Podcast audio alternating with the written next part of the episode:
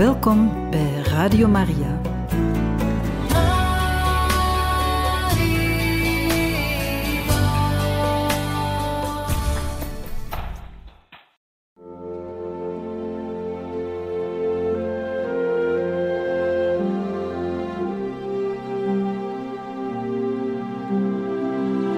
Beste luisteraars van Radio Maria, welkom bij het programma Catechismus. Een overweging bij de geloofschat van de kerk.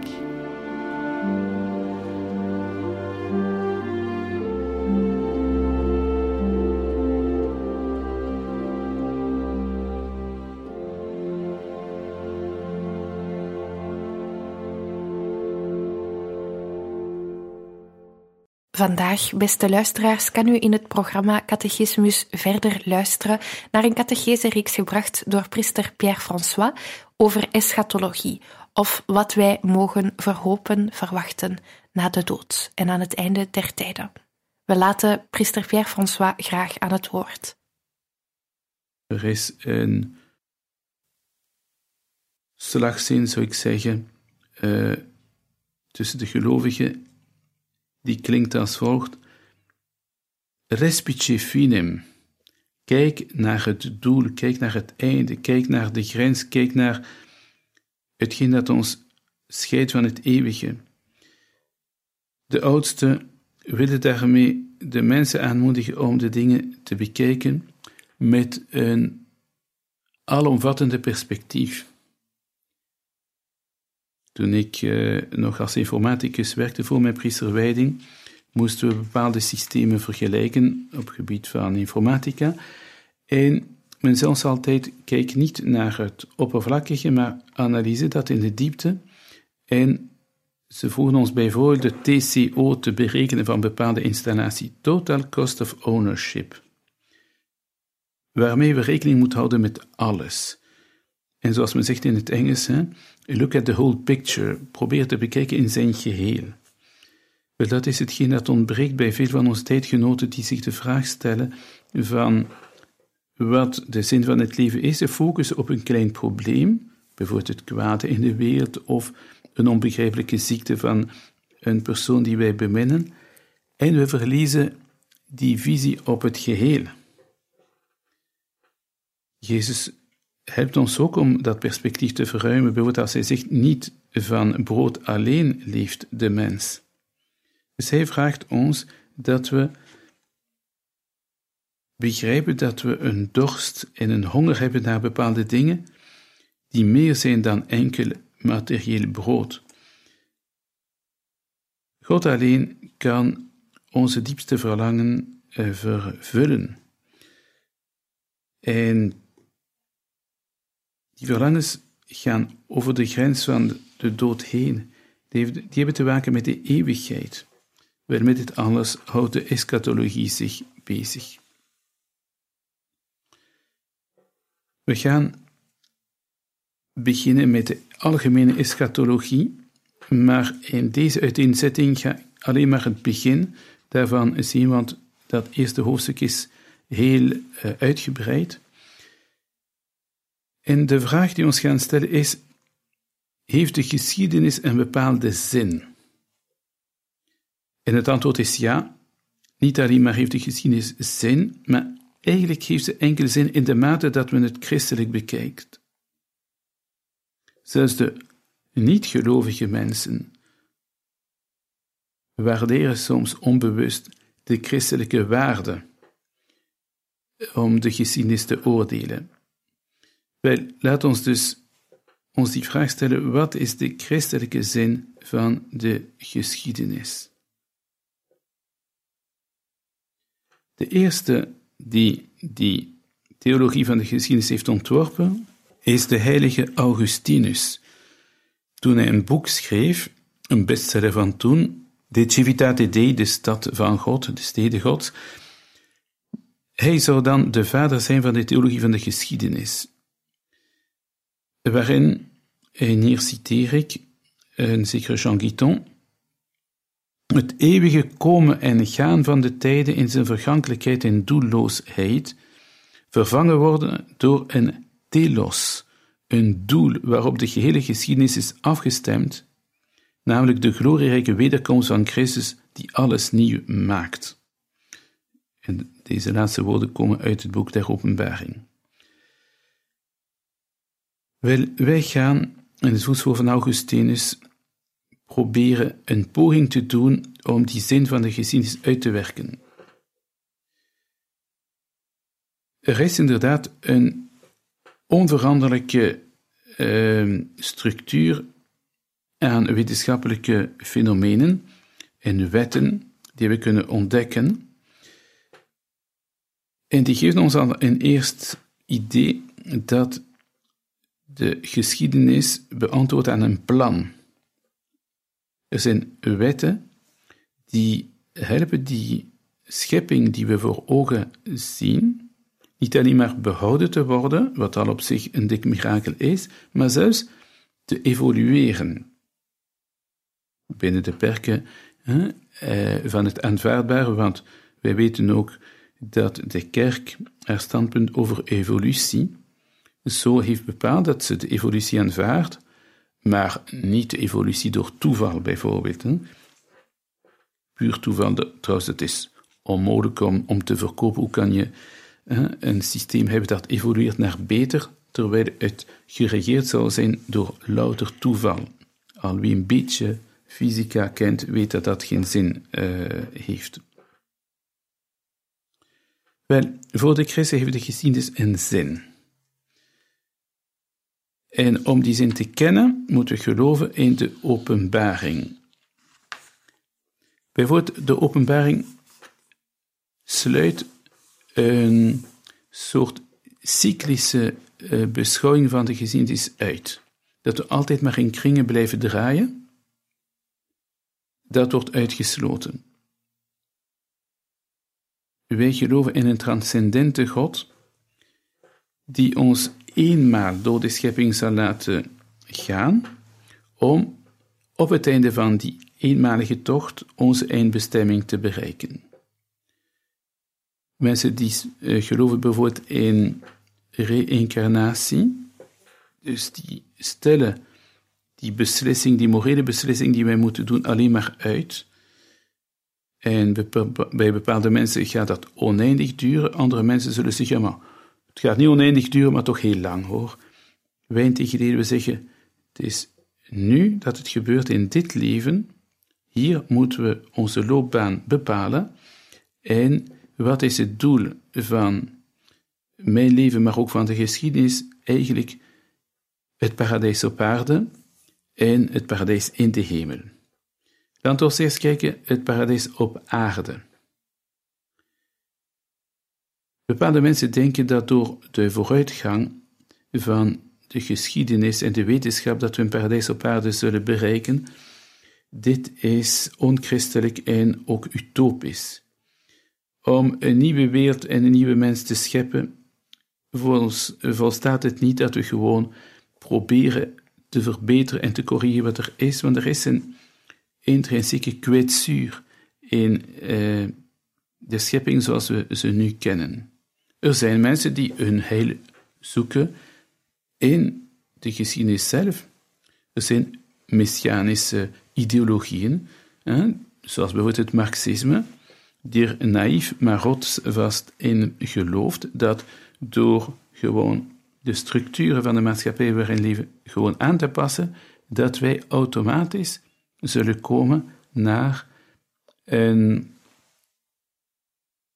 oplossing van alle problemen, dan stel ik me de vraag hoe lang moeten we nog wachten, want er zijn bepaalde regimes die na bijna een eeuw uh, ploeteren met beloftes die ze niet kunnen waarmaken, uiteindelijk uh, in elkaar uh, zakken. Er zijn nog een aantal marxistische landen, maar die zijn verre van een voorbeeld van ontwikkeling en een uitschaling van gelukkige mensen.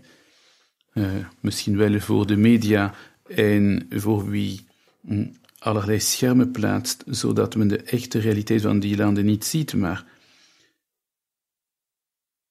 het zijn toch regimes die heel veel mensen ongelukkig hebben gemaakt, oorlogen hebben ontketend en de diepste verlangens van de mensen niet hebben kunnen waarmaken. Het marxisme is al in veel landen ingestort, maar het blijft nog hangen in de hoofden van enkele nostalgisch geneigde mensen. Ik heb zelfs mensen in mijn eigen familie die er nog in geloven. Ik vraag me af, hoe is dat mogelijk? Ja, ja maar het werd overal slecht toegepast, maar nu eindelijk is er een meneer die een boek heeft geschreven en dat is de juiste interpretatie en dat zal wel werken. Laat me toe om een beetje sceptisch te kijken naar die, uh, die naïviteit. Wel, andere mensen hebben hun heilig gezet in consumptie, comfort, genieten, maar dat vervult ons ook niet. En ik had niet zo lang geleden een gesprek met een persoon die ondertussen overleden is en die zei mij het volgende. Die had heel veel geld, een grote fortuin gemaakt uh, en die zei, als ik een chauffeur nodig heb, kan ik iemand betalen en die bestuurt mijn wagen.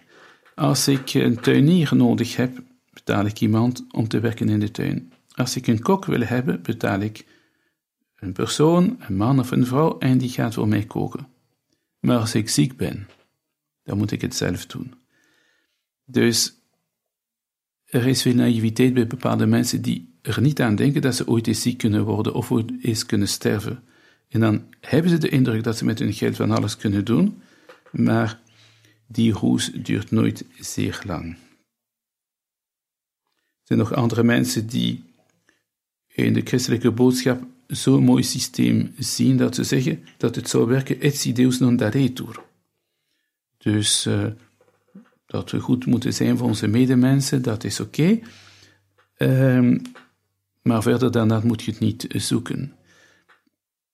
Het is vreemd te zien dat bepaalde mensen hoop stellen op het, hetgene dat hier op aarde bestaat, zonder te denken aan een eeuwige bestemming. Dan moeten we denken aan die woorden van Psalm 2, die zegt over God: Hij die troont in de hemel, hij lacht.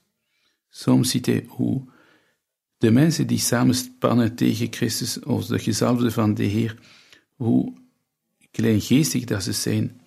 En hoe die binnenwereldse humanisme eigenlijk zo pover is.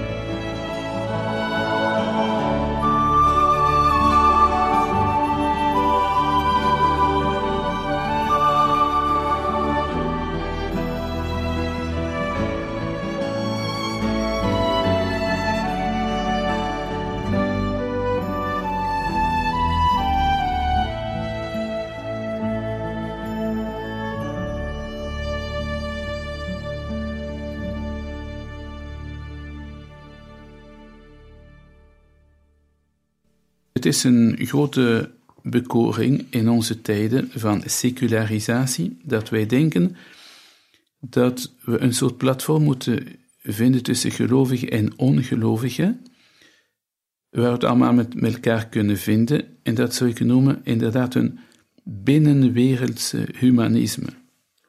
Met een aantal eventueel christelijk geïnspireerde waarden, maar et deus non daretur, die zouden werken ook moest God niet bestaan. Rechtvaardigheid uh, en braaf zijn met de naasten enzovoort. Ja, uh, het is niet helemaal fout, want christenen hebben heel wat te bieden aan ongelovigen, ook op gebied van hun wijze visie over de maatschappij. Dus een dergelijk humanisme kan de gelovigen en de niet-gelovigen uh, een platform bieden om te dialogeren, maar dat binnenwereldse humanisme blijft het antwoord schuldig op de meest brandende vraag van het menselijk hart, namelijk het probleem van het lijden en de dood worden hiermee niet opgelost. Men kan er eventjes niet aan denken, maar het lost die dingen niet op. Solidariteit is mooi, maar waarom zouden de mensen die niet geloven in een God die ons gaat belonen, investeren in de solidariteit? Ik zie soms niet-gelovige mensen zeggen dat zij solidair zijn en dat ze voor de rechtvaardigheid zijn en voor allerlei goede doelen, maar ik stel mij de vraag, hoe kunnen ze dat doen als ze maar amper uh, een motief hebben om dat te doen? Daarom is het interessant dat we beginnen te beseffen dat zonder een God die ons gaat belonen in het hiernamaals, dat al die mooie theorieën heel theoretisch gaan blijven en het antwoord schuldig zullen zijn voor de meest fundamentele vragen. En ik zeg opnieuw welke die zijn, dat is het menselijke lijden en de dood. Andere mensen zien de wetenschap als doel van de geschiedenis. En daar zijn de christenen niet zo vies van, want wij houden ook van wetenschap. Trouwens, de ontwikkeling van de grote eh, universiteiten historisch altijd verbonden geweest met het katholiek geloof, want heel wat van de universiteiten waren christelijke instellingen. Dus het is misschien zelfs een christelijk idee van te zeggen dat er een plaats moet bestaan waar al de wetenschap samenkomt. Van waar het woord universum, universalis, eh, dat betekent geheel en al. En een universiteit is een plaats waar men denkt dat men de universaliteit van de kennis bij elkaar samen kan brengen.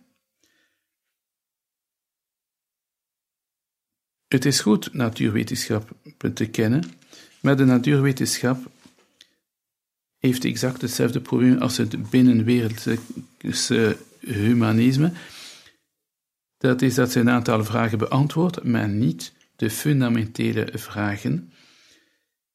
En de christen die komt daar af met een, een prachtig begrip, dat is de nieuwe mens, die niet enkel in zijn lichaam wordt hersteld, dankzij de wetenschap, maar ook in zijn ziel, dankzij de genade uh, en het heil. Wat is een volmaakte mens? In de ogen van Christus is niet enkel iemand die gezond is of een minimum heeft aan voorwaarden om comfortabel te leven, of weet ik veel, en in rechtvaardigheid handelt, de ideale mens is de mens die ook hersteld is in zijn ziel en die weet dat in zijn ziel de nodige genade er is om zijn einddoel te bereiken in het andere leven, na de dood. De wetenschap is dus nuttig, maar ze moet haar grenzen aanvaarden en zien dat ze die, dat heel van de ziel niet kan bewerken. Wat gaan wij dus doen? We gaan de geschiedenis proberen te bekijken in het licht van de eschatologie. Daarom gaan we beseffen dat er een zin uh, is in die geschiedenis van de mensen. In de liturgie hebben we rond de consecratie een heel belangrijk gebed, dat heet Eucharistisch gebed of anafoor. Sinds 1969-70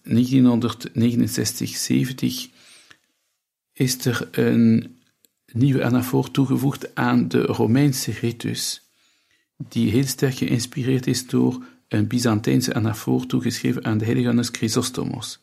En dat is wat we noemen Eucharistisch gebed nummer 4. Wel, dat Eucharistisch gebed geeft een gehele visie van de geschiedenis, van, van de zin van de geschiedenis, op de volgende manier. Ik ga die lezen. We zeggen in dat Eucharistisch gebed, we prijzen u, Heilige Vader, want u groot zijt gij en alles hebt gij met wijsheid en liefde geschapen. Gij hebt de mens geschapen naar uw beeld. Door ongehoorzaamheid aan u heeft hij uw vriendschap verloren, maar gij hebt hem niet aan het geweld van de dood uitgeleverd, integendeel. Je zijt hem met alle hulp tegemoet gesneld, zodat wie u zoeken wil, u reeds heeft gevonden.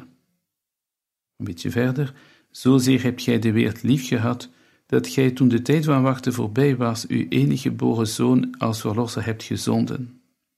Om uw heilsbeschikking ten volle waar te maken, heeft hij, Christus dus, zich aan de dood uitgeleverd en door zijn opstanding alle sterven afgebroken en opgebouwd tot een nieuw bestaan.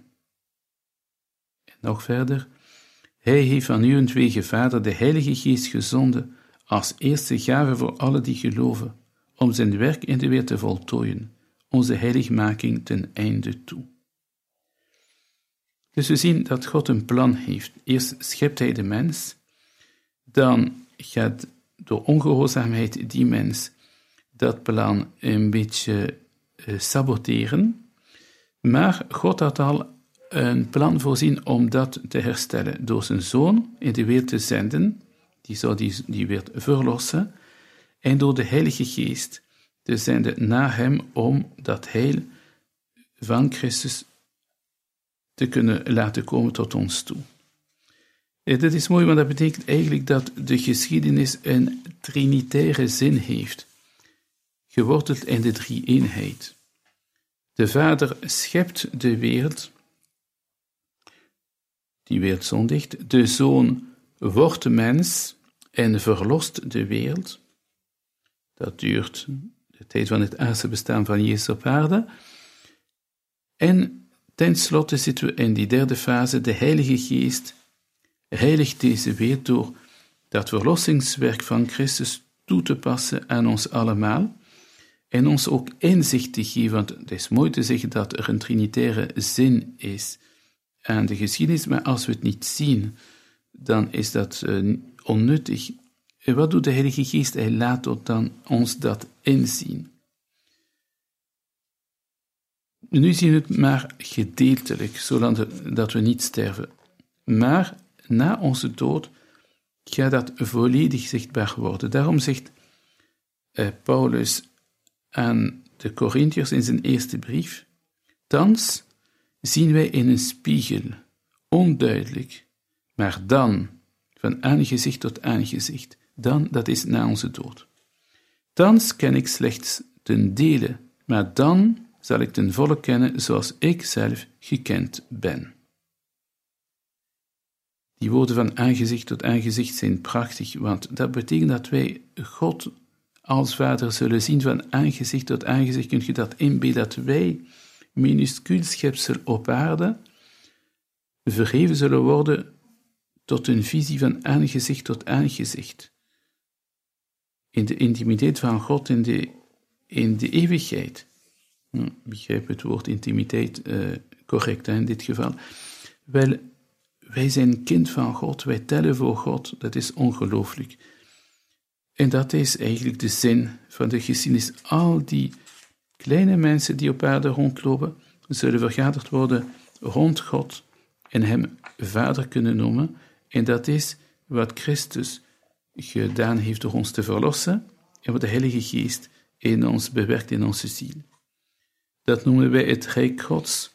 En dat Rijk Gods werd door Christus veroverd. Dat rijk behoorde tot God, maar door de zonde uh, werd er een beginsel van ongehoorzaamheid ingevoerd in dat rijk. En dat heeft als gevolg gehad het de chaotische situatie waarin we zitten, de dood, de ziekte enzovoort. Maar op het einde van de tijd gaat dat allemaal hersteld worden. En als we die visie bekijken, dan zien we dat het een visie is waarin God zijn goedheid wil delen. En al het probleem van het lijden enzovoort gaat een antwoord krijgen onder de vorm van het was de moeite waard. En dat gaan we pas begrijpen wanneer we ten volle zullen kunnen aanschouwen in dat andere leven.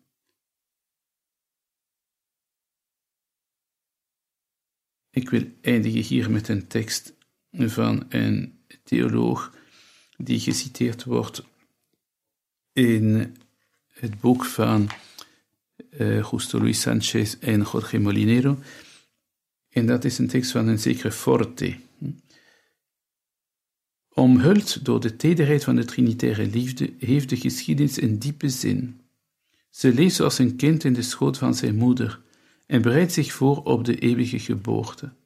Vanuit dit perspectief is de dood geen sprong in de leegte, donker en zonder hoop, nog enkel het afbreken van de liefdesgemeenschap, die het leven steeds zou moeten zijn. De dood, zo heeft het geloof van alle tijd het geleerd, is de dies natalis, de dag waarop men door middelen van de dood geboren wordt tot een leven in het licht en de vrede van de goddelijke drievuldigheid.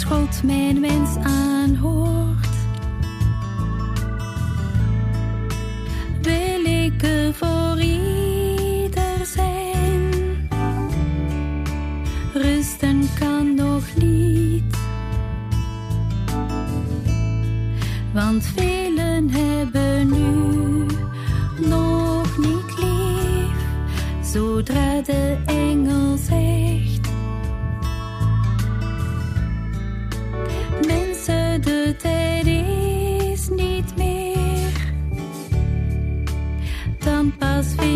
brengen.